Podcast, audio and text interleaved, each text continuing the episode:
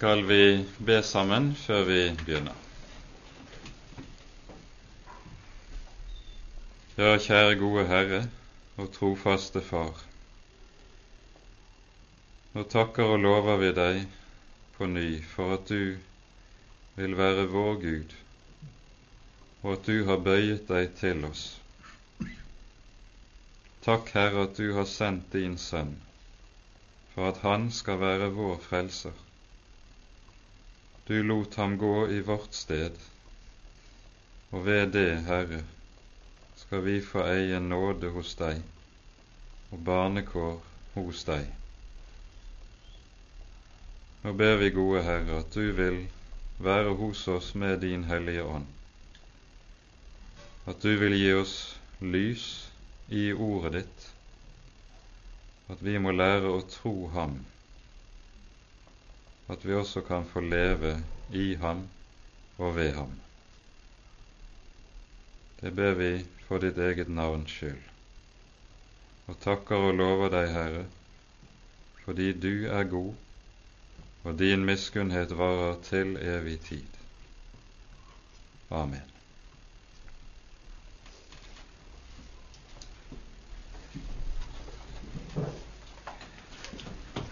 Vi begynte altså sist gang på beretningen om Abraham slik som vi finner den i Første Mosebok. Ehm, denne beretningen begynner altså ved avslutningen av kapittel 11 og strekker seg frem til det 25. kapittelet. Og Abraham står jo i en særstilling i Guds rikes historie.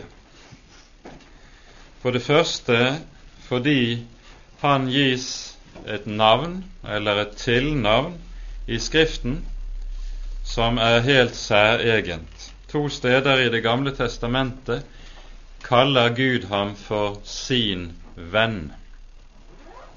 Min venn Abraham hører vi Jesaja 41, 8. Det er en ærestittel som ingen annen får.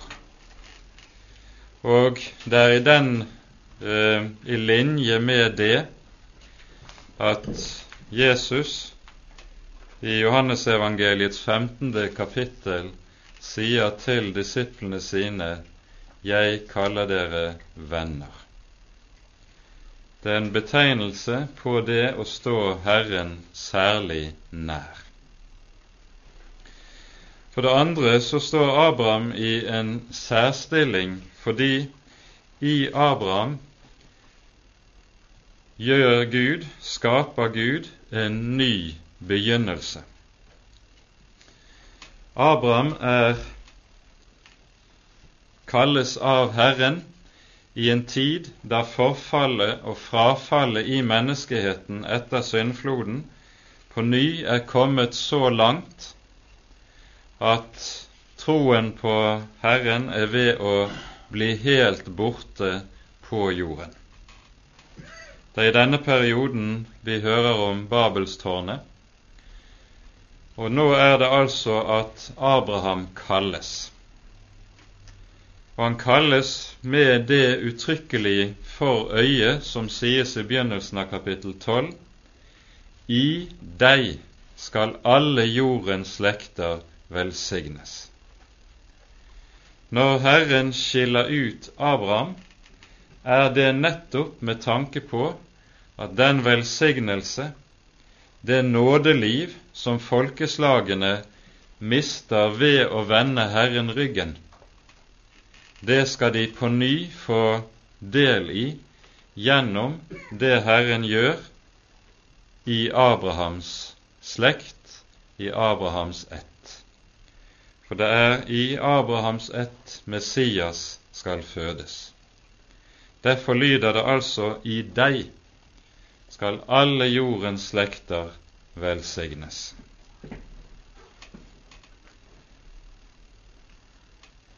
Gud gjør altså i Abraham en ny begynnelse. Og Dermed så står han også i en særstilling på den måte at det er fra ham Guds folk nedstammer. Herren utvelger ham med tanke på å skape et nytt folk, og gir ham altså det løftet at din ett skal bli som stjernene på himmelen og tallrik som sanden ved havets bredd, noe vi hører i det kapitlet vi skal begynne på i dag, men det ligger gitt ham allerede i forbindelse med kallet. Abraham skal altså bli stamfar til det folk som er Guds folk, i ordets bokstavelige forstand Israels folk. Det er i dette folk Herren forbereder frelsen, og det er i dette folk Herren også fullbyrder frelsen. Og Derfor er, står Abraham i en særstilling også av en fjerde grunn. Han kalles i Det nye testamentet troens far. Og Det henger sammen med to hovedsaker. For det første ser vi likesom legemliggjort i hans liv hva rettferdiggjørelsen av tro egentlig er.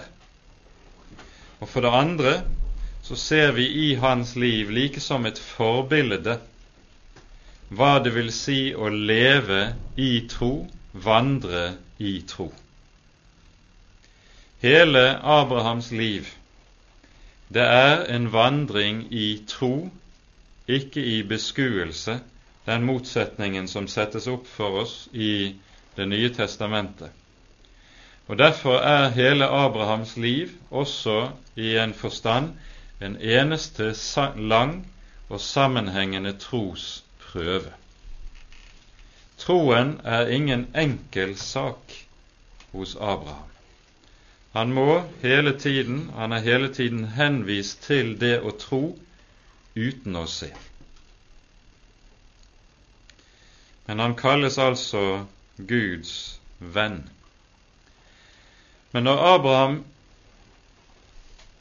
kalles troens far, og vi i ham ser forbilledlig tegnet ut for oss, hva det vil si å leve i og vandre i tro, så får dette i Det nye testamentet også den bestemte betydning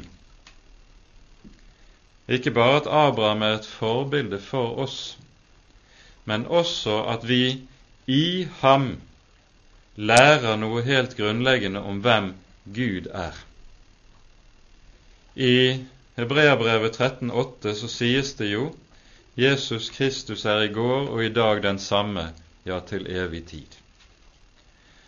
Og Det vi skal vite når vi går inn i beretningen om Abraham, det er at vår Gud er Abrahams Gud. Herren vår Gud er akkurat den samme for oss som han var det for Abraham. Han har ikke forandret seg. Han har ikke endret seg på noe område. Han er den samme i går og i dag. Og Derfor kan vi også regne med at den trofasthet, den omsorg, den førelse som Herren lar Abraham bli til del, den vil han også sørge for at vi skal få del i. Med det som innledningsord går vi så inn i det første avsnittet vi skal se litt nærmere på i dag, og det er kapittel 15. Og Vi tar oss tid og leser dette kapitlet i sammenheng. Noen tid deretter kom Herrens ord til Abraham i et syn, og det lød så:" Frykt ikke, Abraham, jeg er ditt skjold din lønn skal være meget stor. Og Abraham sa, Herre, Herre, hva vil du gi meg? Jeg går jo barnløs bort, og den som skal ta mitt hus i eie, er Elieser fra Damaskus. Og Abraham sa videre, Se, meg har du ikke gitt noe barn, og en tjener som er født i mitt hus, kommer til å arve meg. Men se, da kom Herrens ord til ham, og det lød så, Nei, han skal ikke arve deg, men en som skal utgå av ditt eget liv, skal arve deg. Og han førte ham utenfor og sa, Se opp til himmelen og tell stjernene, om du kan telle dem. Og han sa til ham, Så skal din ett bli. Og Abraham trodde på Herren, og han regnet ham det til rettferdighet. Og han sa til ham, Jeg er Herren, som førte deg ut fra Ur Kaldea for å gi deg dette land til eie. Da sa han, Herre, Herre, hvorav kan jeg vite at jeg skal eie det? Da sa han til ham, Hent meg en tre års gammel kvige og en tre års gammel geit og en tre års gammel vær og en turteldue og en dueunge. Så hentet han alt dette til ham og skar dyrene midt over og la det ene stykket av hvert dyr rett imot det annet men fuglene skar han ikke over. Råfugler for ned på de døde kropper, men Abraham jaget dem bort. Da nå solen var nær ved å gå ned, og en dyp søvn var falt over Abraham, se, da falt redsel, et stort mørke, over ham, og han sa til Abraham, Det skal du vite, at din ett skal bo som fremmede i et land som ikke hører dem til, og de skal trelle for folket der og plages av dem i 400 år. Men det folk de skal trelle for, vil jeg også dømme, og deretter skal de dra ut med meget gods. Men du skal fare til dine fedre i fred og bli begravet i en god alderdom. Og i det fjerde ett ledd skal de komme hit igjen, for amorittene har ennå ikke fylt sin ondskapsmål. Da nå solen var gått ned og det var blitt aldeles mørkt, fikk han se en rykende ovn og en luende ild som for frem mellom kjøttstykkene.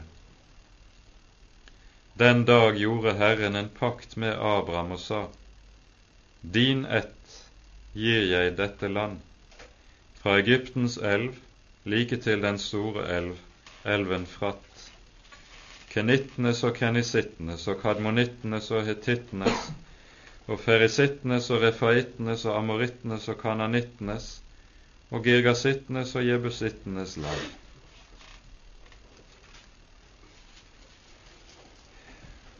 Her hører vi altså et avsnitt som er helt sentralt i Abrahams liv, og likeså i Den hellige skrift overhodet.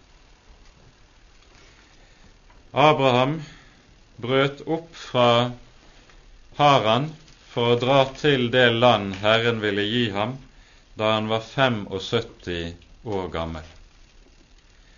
Ved dette tidspunkt er det antagelig gått en åtte års tid, som Abraham altså har vandret om i det land han hadde løfte om fra Herren å få. Noe av det som var skjedd, har vi lest i de foregående kapitlene. Men det er tydelig at det er én sak som ligger tungt på Abraham og blir vanskeligere og vanskeligere for ham.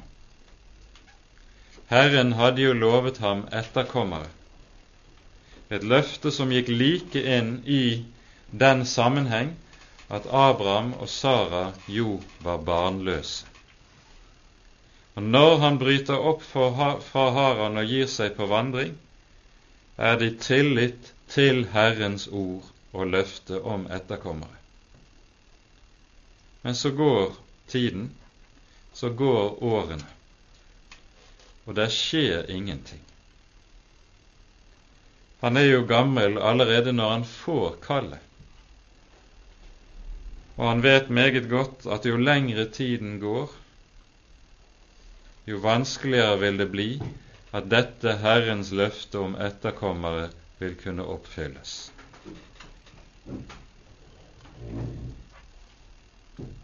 I denne tid er det altså at Herren nå kommer til Abraham igjen. Noen tid, står det, noen tid deretter kom Herrens ord til Abraham i et syn, og det lød så:" Frykt ikke, Abraham, jeg er ditt skjold, din lønn skal være meget stor. For det første dette er første gang vi i Den hellige Skrift møter disse ordene fra Guds munn frykt ikke. Senere i Skriften møter vi dette frykt ikke gang på gang fra Herren som et ord, som et trøstens ord, til de som hører ham til. Det er noen som har tatt seg tid til å telle opp disse frykt ikke som vi finner i Bibelen. Og det skal visstnok være så at det står 365 ganger i Den hellige skrift. Det kan være godt å ta med seg.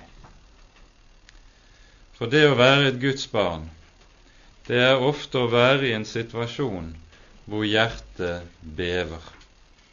Det er så meget som melder seg i livet som får hjertet til å beve.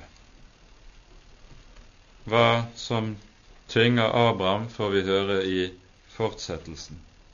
Men Herren kommer altså først med dette sitt frykt ikke.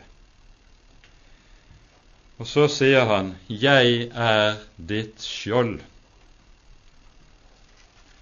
Han sier altså ikke bare 'Jeg vil gi deg et skjold til å verne om deg', men han sier 'Jeg er ditt skjold.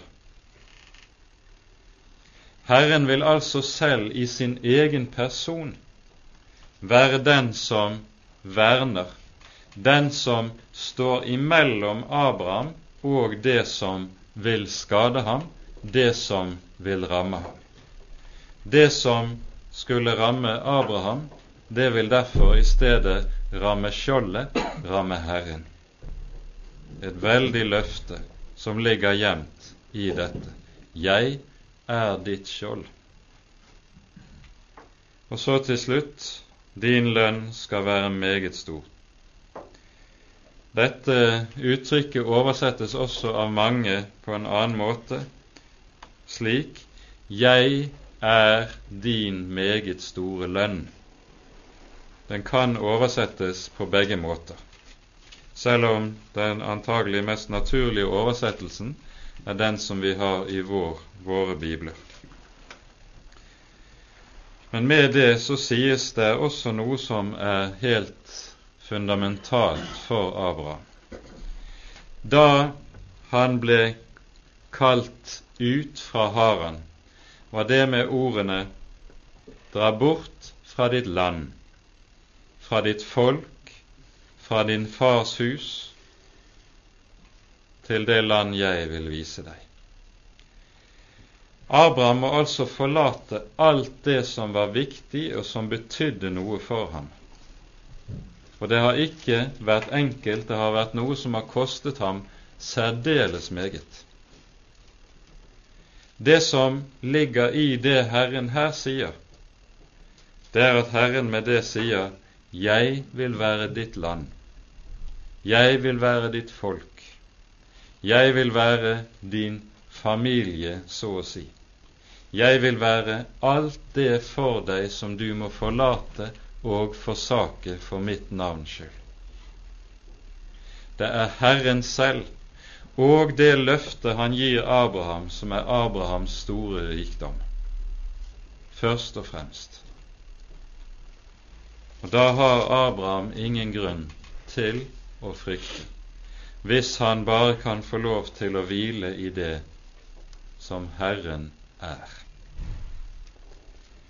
Men når Herren slik kommer til ham med dette veldige løftet, så må Abraham umiddelbart gi luft for det som tynger ham.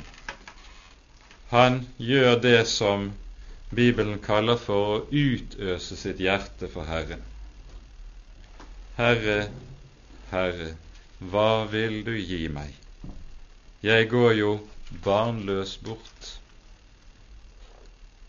Og så slipper han, eller gir han luft for det som er så tungt for ham. Det å være barnløs var i antikken, og ikke minst blant de semittiske folkeslag ansett for å være den største av alle ulykker. Når han sier 'en trell født i mitt hus skal arve meg', altså det er ingen etterkommere som kan ta over etter han, så sier han egentlig 'mitt liv er forgjeves'. Alt hva jeg har strevet under min vandring, all dagens byrde og hete, det har vært forgjeves, til ingen nytte, alt sammen. Herre, hva vil du gi meg? Årene har jo gått, og Abraham har ikke sett det minste tegn til at Herren vil oppfylle det løftet han har gitt, som innebærer det å få etterkommere, en tallrik ett. så er det Herren kommer Abrahams anfektelse her i møte, for dette er en anfektelse. Herren sier nei, Elieser av Damaskus skal ikke arve deg, men en som skal utgå av ditt eget liv, han skal arve deg. Og Så føres han utenfor teltet og ser opp mot himmelen, og i den mørke natten er stjernene utellelige så skal din ett bli. Og merk nå, det Abraham får av Herren, hva er det? Han får et løfte. Det Herren gjør, det er ikke at han gir ham noe annet enn det han allerede har fått før. Men det Herren gjør, det er at han klargjør og stadfester det løftet han allerede hadde fra tidligere. For dette er det jo som er Abrahams egentlige eiendom. Han reiser omkring i landet uten å ha noe eiendom, noe land å bo i. Han er en fremmed i bokstavelig forstand. Det som er hans eiendom, det er et løfte han har fått fra Herren. Og dette løftet er det altså at Abraham tror uten å se, se tegn til noen oppfyllelse på. Og så sies det, og dette er et helt forunderlig vers når vi ser på tekstsammenhengen det står i her, det sjette verset, så er det helt uformidlet på sett og vis. Man kunne nå tenke at Moses bare ville latt for fortellingsløpet flyte videre, og ikke skrevet det som står i vers 6, og ingen ville ha undret seg over at det var noe som manglet. Dette vers 6 står der som et innskudd i teksten likesom. Et innskudd som sier noe helt, helt grunnleggende. Abraham trodde Gud, og det ble regnet ham til rettferdighet. Merk her hva det innebærer. For det lærer oss for det første det som vi hører i Det nye testamentet, som jo er en hovedsak i Romerbrevet kapittel 4 og Laterbrevet kapittel 3. Abraham var rettferdig for Gud, ikke på grunn av sine gjerninger, men på grunn av troen. Herren hadde gitt ham et ord. det satte han sin lit til. Det stolte han på. Og så sies det det regner Herren ham til rettferdighet. Legg også merke til at dette sies etter at Abraham altså har vandret mange år med Herren. Det er veldig lett for oss å tenke at når man har vandret lenge med Herren, så skal et menneskes helliggjørelse telle med som en del av det som rettferdiggjør. Men se, her sier altså Skriften oss selv etter mange års vandring så teller ikke Abrahams gjerninger med i det hele tatt. Det er troen som rettferdiggjør, ikke helliggjørelsen, ikke vandringen, ikke lydigheten. Det er troen som rettferdiggjør. Og dette er en grunnsannhet som Det gamle testamentet selv henleder oppmerksomheten på. I Jesaja-bokens 51. kapittel leser vi slik.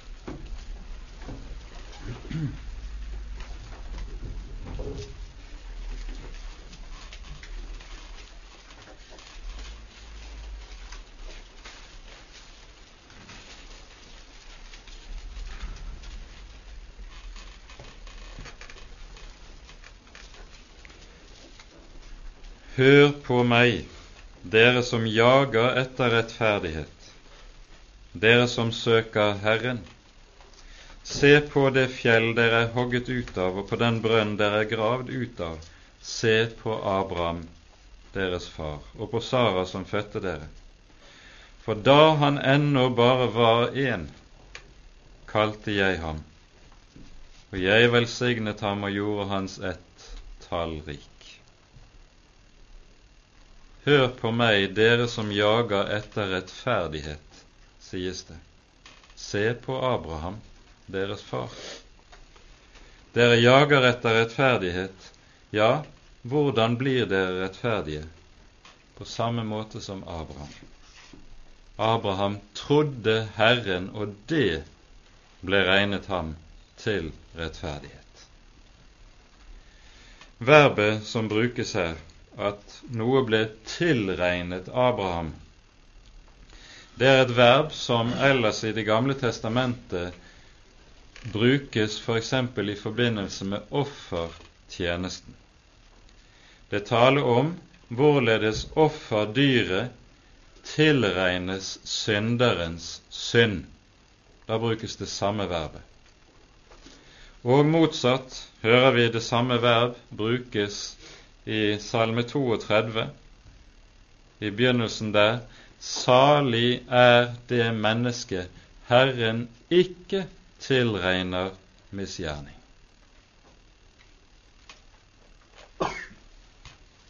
Det er noe som altså fraregnes en. Abraham er rettferdig i Guds øyne. Og Legg merke til at det er det som ligger i dette uttrykket. Han er ganske sikkert ikke rettferdig i egne øyne. Det er heller ikke en kristen. Men det som skjer gjennom rettferdiggjørelsen, det er at en står som rettferdig i Guds øyne. Og det er det som er det usigelige under med dette. Abraham trodde Herren, og Herren regnet ham det til rettferdighet. Det er det store under i dette. Så går teksten videre. Herren stadfester også et annet løfte, nemlig løftet om landet, som han hadde gitt Abraham. Også det klargjøres nærmere i det som følger i kapittel 15. Hvorav kan jeg vite at jeg skal eie det? spør Abraham.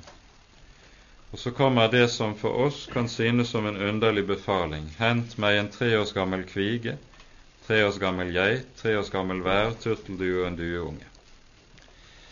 Det Abraham gjør med de dyr som vi her hører om, som for øvrig foregriper det vi senere hører om offertjenesten i Det gamle testamentet, for det er kun de dyr som her nevnes, som er tillatt å anvende i offertjenesten i tempelet i den gamle pakt.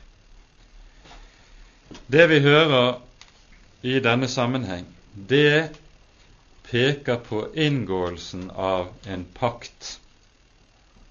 Og det sies jo da like ut i vers 18.: Den dag gjorde Herren en pakt med Abraham.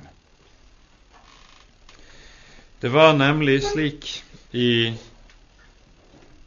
oldtiden at når det skulle inngås en pakt mellom to parter, så var, hørte det til det et rituale. Og dette ritualet hører vi altså om her. Der skulle slaktes dyr.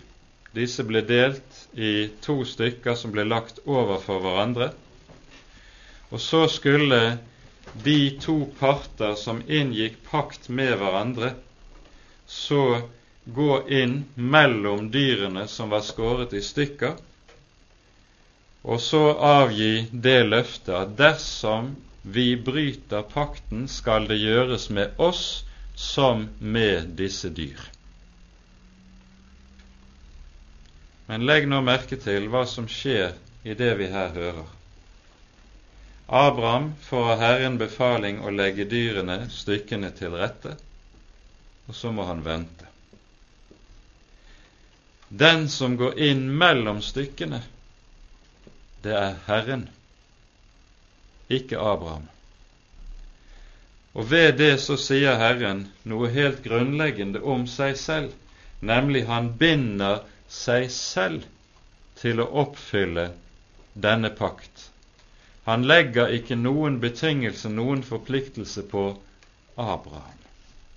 Pakten hviler ensidig på at Herren selv er trofast mot sitt løfte. Det legges ingen betingelser, ingen forpliktelse på Abraham i denne sammenheng. Dette er forbildet på det som vi kaller for en nådepakt i Det nye testamentet. Denne paktsinngåelsen med Abraham den har to stadier, tror jeg vi må kunne si. Det vi hører om her i kapittel 15, er første stadium, det annet og det egentlige stadium, som egentlig bare foregripes her i kapittel 15, det hører vi om i kapittel 17, der vi har den egentlige paktsinngåelsen, som skjer 14 av 15 år senere. Vi kommer til det litt om litt. Men før vi kommer dit, så må vi også se hvorledes Herren i forbindelse med løftet om landet gjør klart for Abraham at før hans etterkommere kan ta landet i eie, skal det gå en lang periode. 400 år skal hans etterkommere leve i utlendighet, som fanger, som treller blant et fremmed folk. Og først etter at så lang en tid er gått, vil Herren vende seg til Abrahams etterkommere, fri dem ut av trelldommen, føre dem til landet, og så skal de få det i eie. Og Legg også merke til hva som sies i vers 16. Amorittene har ennå ikke fylt sin ondskaps mål. Når de endelig drives ut av landet, så er det altså slik at det i den sammenheng er som en Guds dom over det forfall, den veldige synd som ble bedrevet blant kananittene før Israel fikk lov til å komme inn og overta landet. Og et forbilde på denne dom som så lang tid senere skal ramme kananittene, det har vi allerede i kapittel 19, der vi hører om dommen over Sodoma, over Gomorra. liksom Herren dømmer disse byene på grunn av deres veldige ondskap, slik skal han også dømme kananittene, fordi de gjør seg skyld i de samme slags synder og den samme slags ondskap. Men det ligger enda langt frem.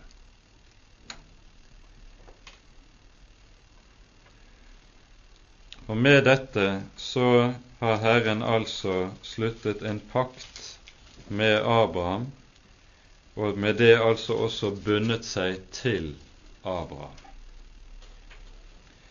Vi har nevnt det tidligere, men vi minner om det igjen. Dette at vi i vår bibel hører at Gud er en Gud som inngår pakt med mennesket, med en enkeltperson som Abraham, med et helt folk som Israel, eller med oss, som vi hører i den nye pakt.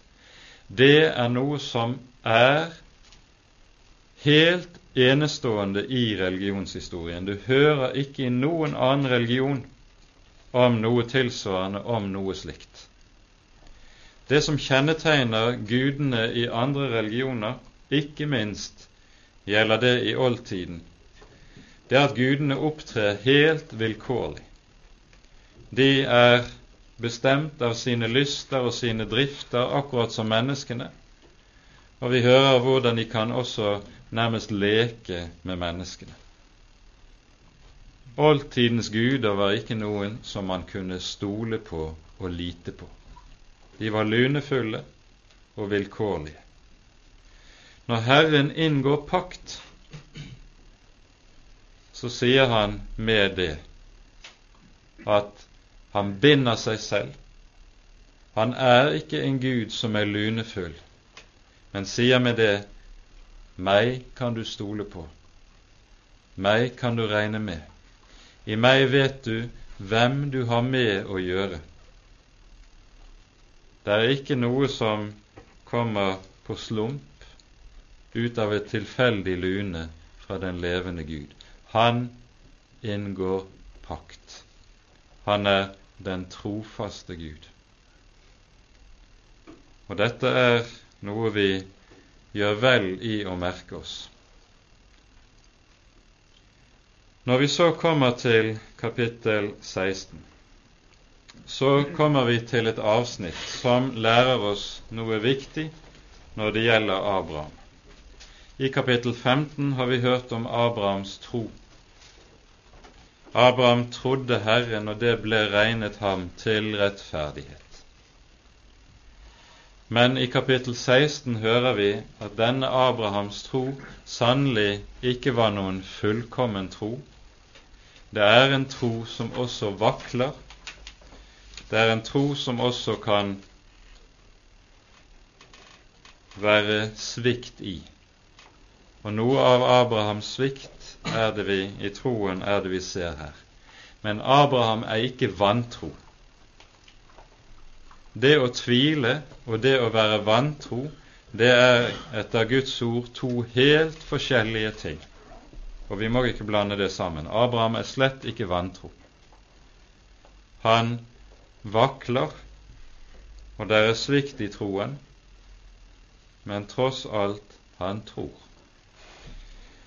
Abrahams svikt det kommer nettopp til syne i forhold til det som er hans store nød, nemlig spørsmålet om etterkommer og vi leser kapittel 16. Sarai, Abrahams hustru, fødte ham ikke barn. Men hun hadde en egyptisk trellkvinne som het Hagar. Og Sarai sa til Abraham, Se, Herren har nektet meg barn. Gå derfor inn til min trellkvinne, kanskje jeg kunne få barn ved henne. Og Abraham lød Sarais råd.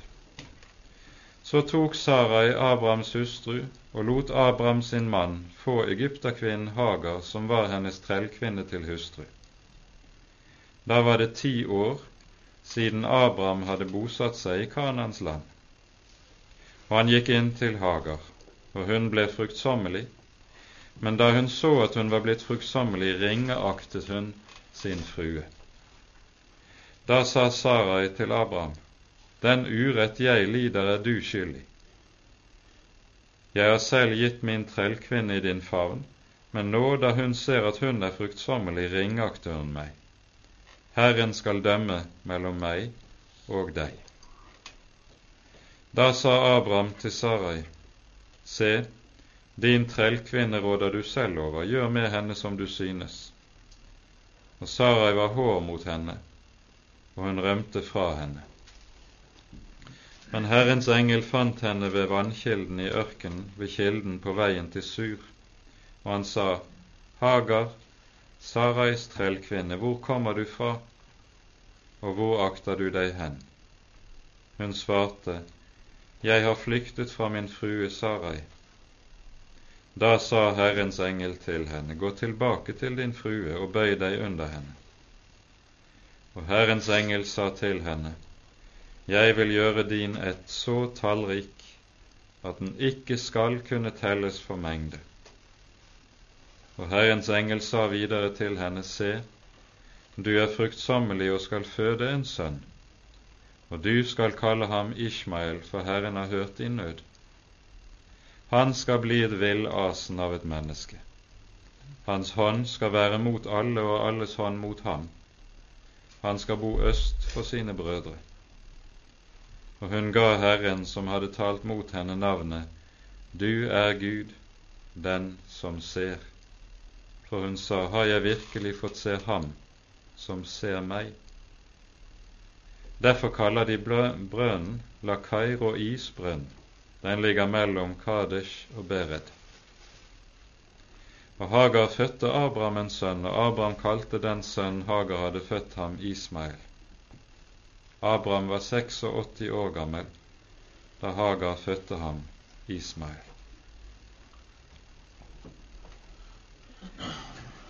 Det Abraham og Sara nå gjør, det er meget, meget forståelig, og det er meget menneskelig.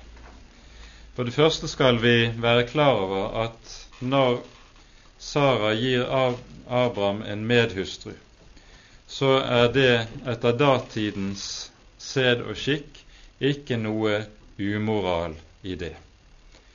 Det sies i det som var datidens lover, at dersom en mann ikke får barn med sin hustru, da skal han ta en medhustru for å avle barn med henne.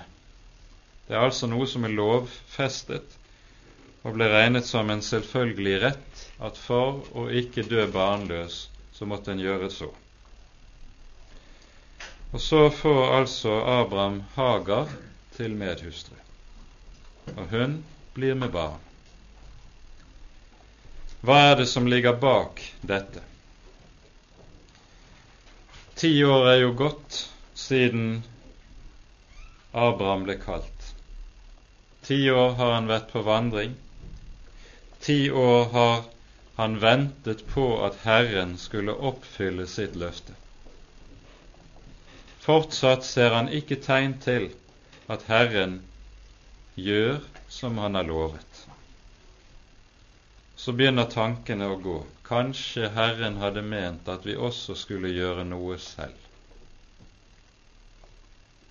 Og det er nettopp det som skjer. Abraham og Sara gjør noe selv. De tar så å si saken i egne hender, i stedet for det som de er kalt til ved troen, nemlig å bie og vente på Herren. Det som nemlig er det grunnleggende i denne sammenheng, er at når Herren har gitt et løfte som han har gjort det til Abraham, så er det også Herrens egen sak å oppfylle det han har lovet. Det som er Abrahams sak, det er nettopp det å vente. Vente på Herren, vente på Herrens time. Men just det er det jo som er vanskelig. Og Abraham vet jo, som vi alle vet, at jo eldre man blir, jo mer vanskelig, jo mer umulig vil det bli å avle barn. Han tenker hvis vi ikke gjør noe nå, så er det snart for sent. Så er det snart umulig at Guds løfte kan oppfylles. Og så gjør de noe selv. I tråd med dette så sier Skriften også at Ismail er født etter kjødet. Han er ikke løftet sønn. Han er født etter kjødet. Han er et resultat av nettopp at man har gjort noe selv. For til det å tro Herren hører alltid også det å bie på Herren. Det er det som er troens prøve. Og det er denne prøve som er så usigelig vanskelig for Abraham. For han vet jo lengre tiden går, jo mer umulig blir det at løftet kan oppfylles. Dette er troens prøve. Men ser du etter i Den hellige Skrift, så vil du se at nettopp det å bie, det å vente på Herren, det er en grunnleggende side ved troen. En har sagt det slik at ordet bie, slik det brukes i vår bibel, det betyr å vente lenge og tilsynelatende forgjeves. Det er så å si som med Jesu disipler når de er sendt ut på Genesaretsjøen etter at Jesus har mettet de 5000, og så får de det hårde vær imot. Når kommer Jesus til dem? Ikke i første nattevakt, når kreftene er som friskest og som sterkest. Heller ikke i andre, for de var seige karer. Heller ikke i tredje. Der var fortsatt rester av kraft til å mestre det. Men Herren kommer til dem når det er mørkest. Han kommer i den fjerde nattevakt, når de er ved å gi opp. Å bie, det er å vente lenge og tilsynelatende forgjeves. Det er det Abraham er satt til, og det er det som er så usigelig vanskelig for ham. Og jeg tror nok ingen av oss kan si at vi vil være bedre skodd her enn han. Men Abraham får altså en sønn, Ismael, og Herren gir også Ismael et løfte at han skal bli stamfar til en mengde folk. Han skal også bli tallrik som havets sand, like som den som senere skal fødes og er den egentlige løftets sønn. Men Ismael blir til stor ulykke, både når det gjelder det gammeltestamentlige Israel, der Ismael, som jo er stamfar til de arabiske folkeslag. Han er, sånn som det her sies, et villasen mot alle folk. Alle folks hånd skal være mot ham, og hans hånd skal være mot alle folk. Det er underlig å se at også i våre dager så er dette stadfestet på historiens arena. Vi bruker ikke mer tid på det i dag, for vi må gå inn i kapittel 17. Så går det altså en lang tid, hele 13 år fra Ismail er født. Lang en tid, og Herren kommer til Abraham igjen. Da Abraham var 99 år gammel, åpenbarte Herren seg for ham og sa til ham, Jeg er Gud, den allmektige, vandre for mitt åsyn og vær ustraffelig. Jeg vil gjøre en pakt mellom meg og deg, og jeg vil gjøre din ett såre tallrik. Da falt Abraham på sitt ansikt, og Gud talte til ham og sa, Se, jeg gjør en pakt med deg, og du skal bli far til en mengde folk. Ditt navn skal ikke mer være Abraham, men ditt navn skal være Abraham, for jeg gjør deg til far for en mengde folk. Og jeg vil gjøre deg såre fruktbar, så du skal bli til mange folk, og konger skal utgå fra deg. Og jeg vil opprette en pakt mellom meg og deg og din ett etter deg, fra slekt til slekt, en evig pakt, så jeg vil være din Gud, og Gud for din slekt etter deg. Og jeg vil gi deg og din ett etter deg det land hvor du bor, som fremmed, hele Kanans land, til en evig eiendom, og jeg vil være deres Gud. Deretter sa Gud til Abraham, og du skal holde min pakt, du og din ett etter deg, fra slekt til slekt. Dette er min pakt mellom meg og dere og din ett etter deg, som dere skal holde. Alt mannkjønn hos dere skal omskjæres. Dere skal omskjæres på deres forhud. Det skal være tegnet på pakten mellom meg og de, dere. Åtte dager gammel skal hvert guttebarn hos dere omskjæres, slekt etter slekt, både den som er født hjemme, og den som er kjøpt for penger, alle som hører til et fremmed folk og ikke er av din ett. Omskjæres skal både den som er født i ditt hus, og den som er kjøpt for dine penger. Så skal min pakt være på deres kjøtt, en evig pakt. Men en uomskåren av mannskjønn, en hvis forhud ikke blir omskåret, han skal utryddes av sitt folk han har brutt min pakt.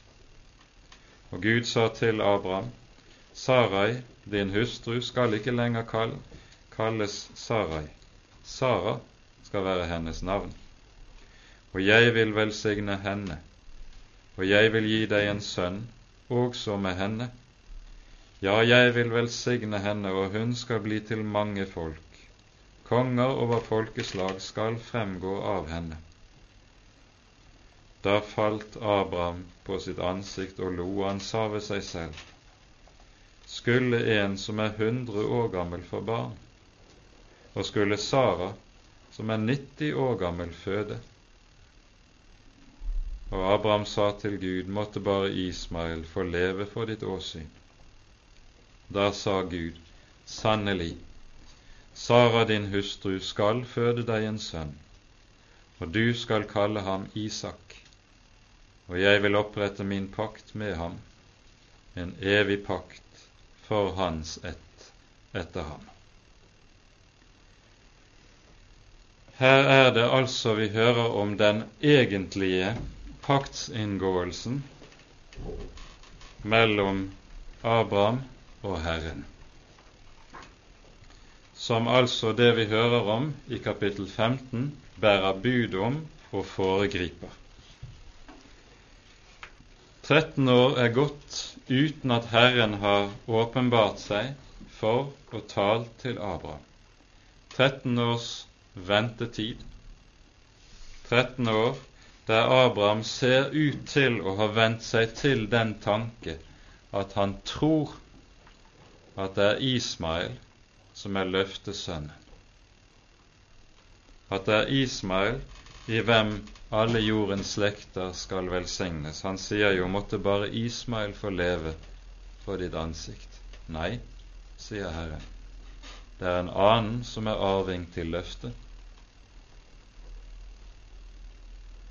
Og så skal Abraham kalle sønnen som Sara skal føde i sin alderdom, Isak. Isak etter det som står i vers 17, Abraham falt på sitt ansikt og lo, for Isak betyr han ler. Yitzhak, han ler. Det begynner med, som vi hører i det første verset i kapittel 17.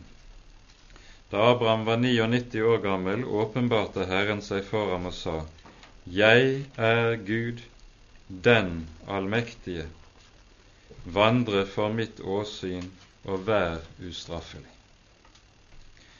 For det første skal vi merke oss dette Guds navn som Herren her åpenbarer, El Shaddai, som det heter på hebraisk, den allmektige.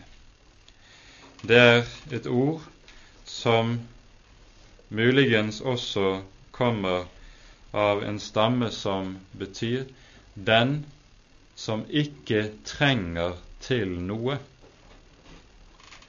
den som altså er fullkomment uavhengig av alt og alle, fordi han nettopp er den evig allmektige og evig suverene.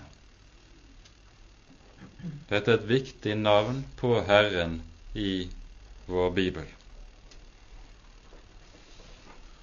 For når Gud åpenbarer sitt navn, så er det alltid med tanke på å fortelle at det som ligger i navnet, det gjør han. Og når han nå åpenbarer seg som den allmektige, så er det fordi han nettopp i forbindelse med Isaks fødsel sier skulle noen ting være umulig for Gud. Et ord som senere dukker opp to andre viktige steder i vår bibel.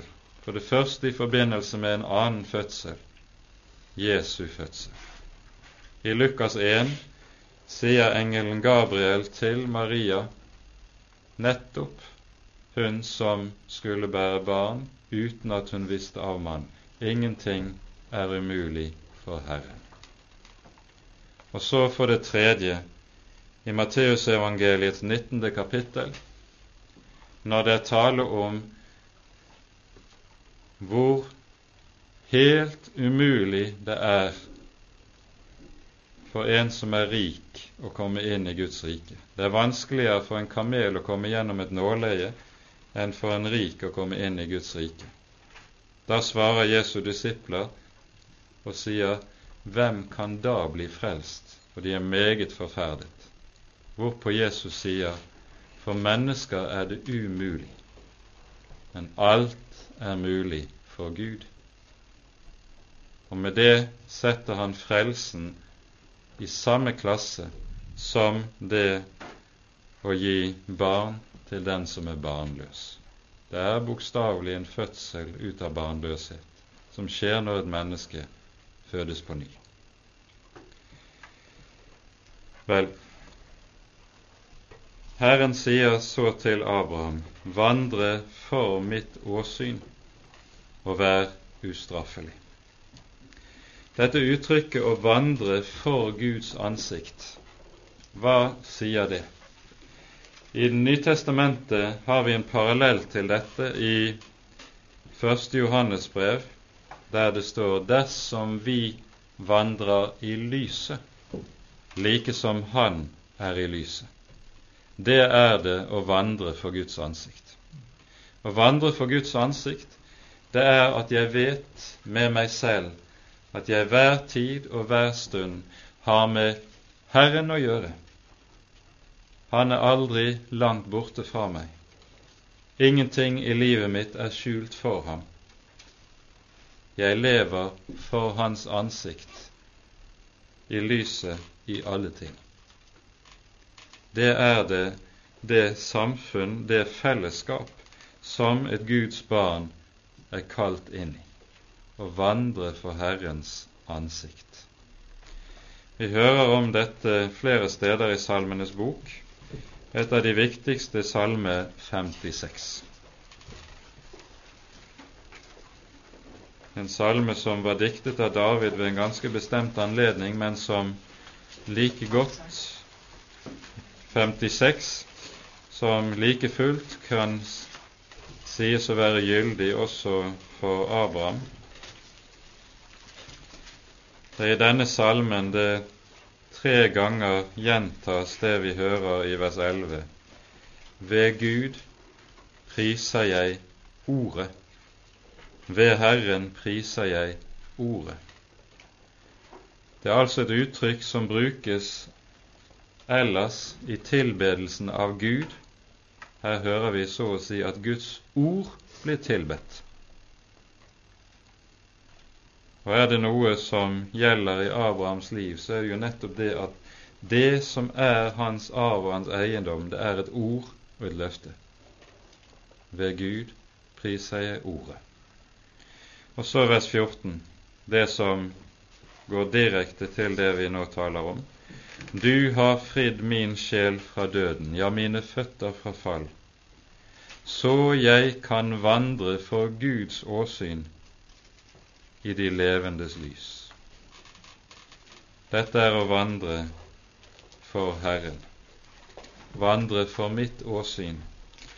Og så kan det, skulle det kanskje helst vært omsatt som en følgesetning, så du dermed er ustraffelig. For her handler det ikke om det å være syndfri. Det er ikke det som ligger i det uttrykket som det her er tale om.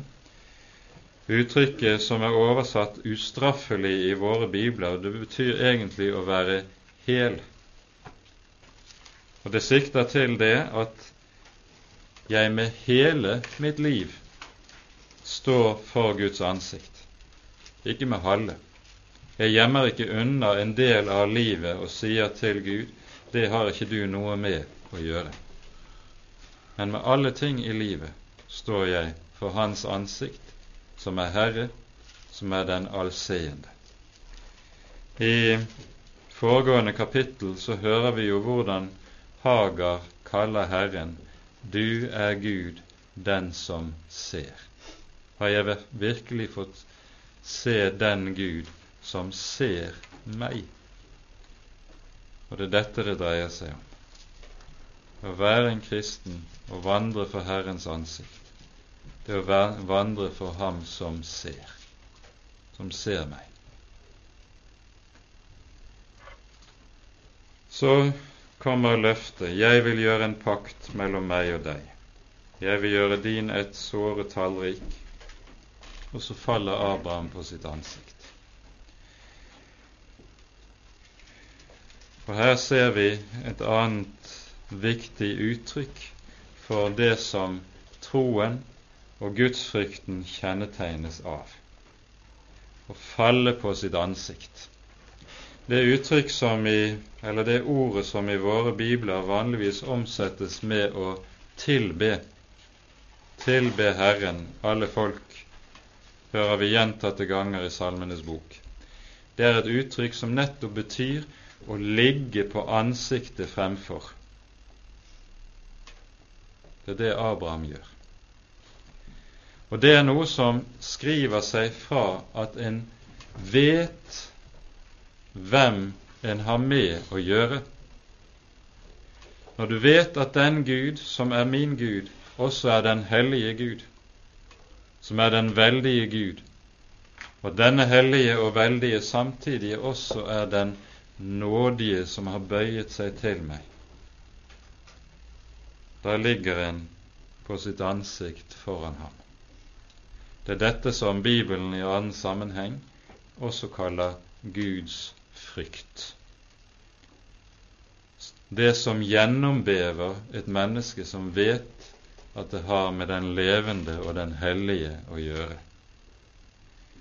Da blir ikke Gud lenger en som man omgås lettvint, som om han kunne være en kompis så du klapper på skulderen. Det er usømmelig å omgås den levende Gud på lettvint vis. Den som gjør det, sier med bare med stor tydelighet at han vet ikke hvem Gud er. Og I tråd med dette er det også Malakia f.eks. sier i første kapittel En sønn ærer sin far, og en tjener sin herre. Er nå jeg herre, hvor er da frykten for meg? Er jeg far? Hvor er da min ære? Den ærbødighet som en skal omgås Han som er den levende og sanne Gud, den er nettopp en refleks av, en gjenspeiling av, at en aner hvem en har med å gjøre. Det ser vi hos Abraham i dette. Og det kommer stadig om igjen og om igjen til uttrykk i vår bibel, der Herren åpenbarer seg, og et menneske stilles ansikt til ansikt med Han som er Gud. Der ser du ikke at de som får oppleve det, springer lettbent av gårde i overfladisk begeistring. De bever i stor frykt for Han som er den hellige og den nådige. denne beven som lukker munnen i stillhet for Han som er Herre, er en grunntone i alt som Bibelen nettopp kaller Guds frykt. Kanskje det er noe av det som aller sterkest burde minnes om i våre dager. Så gir Herren Abraham et nytt navn. Et nytt navn er i Bibelen alltid noe som står som innbegrepet på at en kommer i en ny stilling i forhold til Gud. Det gamle navnet hans, Abraham, det betyr opphøyet far. Det nye navnet betyr far til en mengde folkeslag. Abraham, far til en mengde folkeslag. For jeg vil gjøre deg til far for mange folk, sier Herren.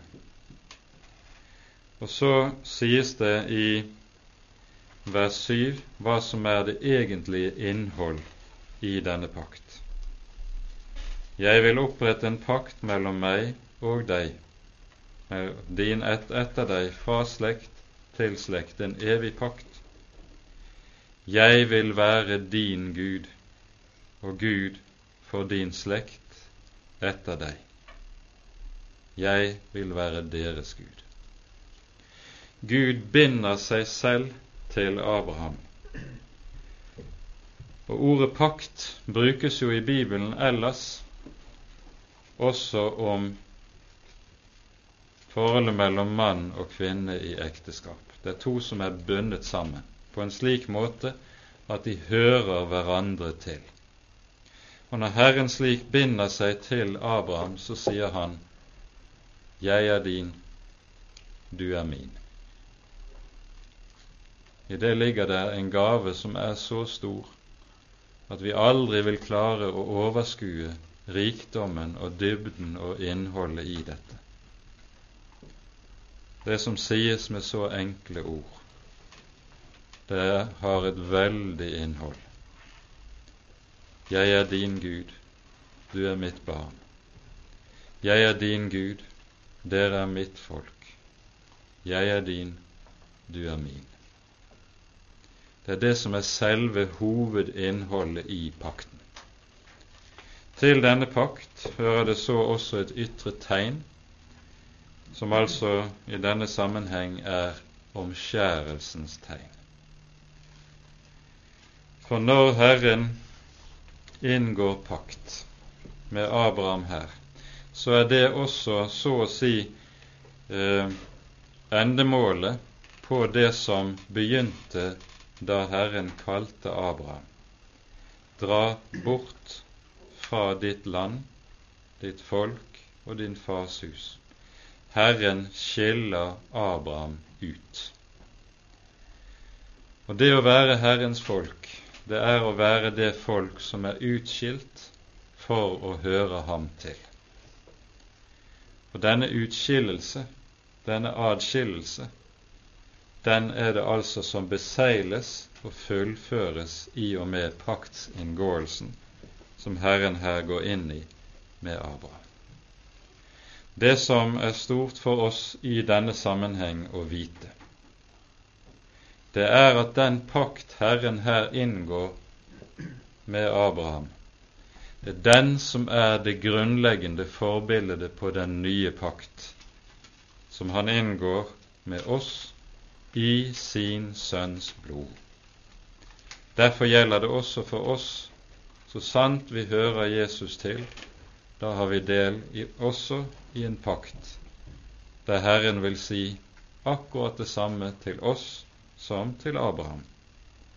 Jeg er din Gud, dere er mitt folk du er mitt barn. Du hører ham til. Vi rekker ikke mer i dag, men vi har forhåpentligvis med dette pekt på noe av dette grunnleggende at Herren er den samme i går og i dag og til evig tid. Abrahams Gud er vår Gud. Amen. Ære være Faderen og Sønnen og Den hellige ånd, som var og er og være skal, en sann Gud, høylovet i evighet. Amen.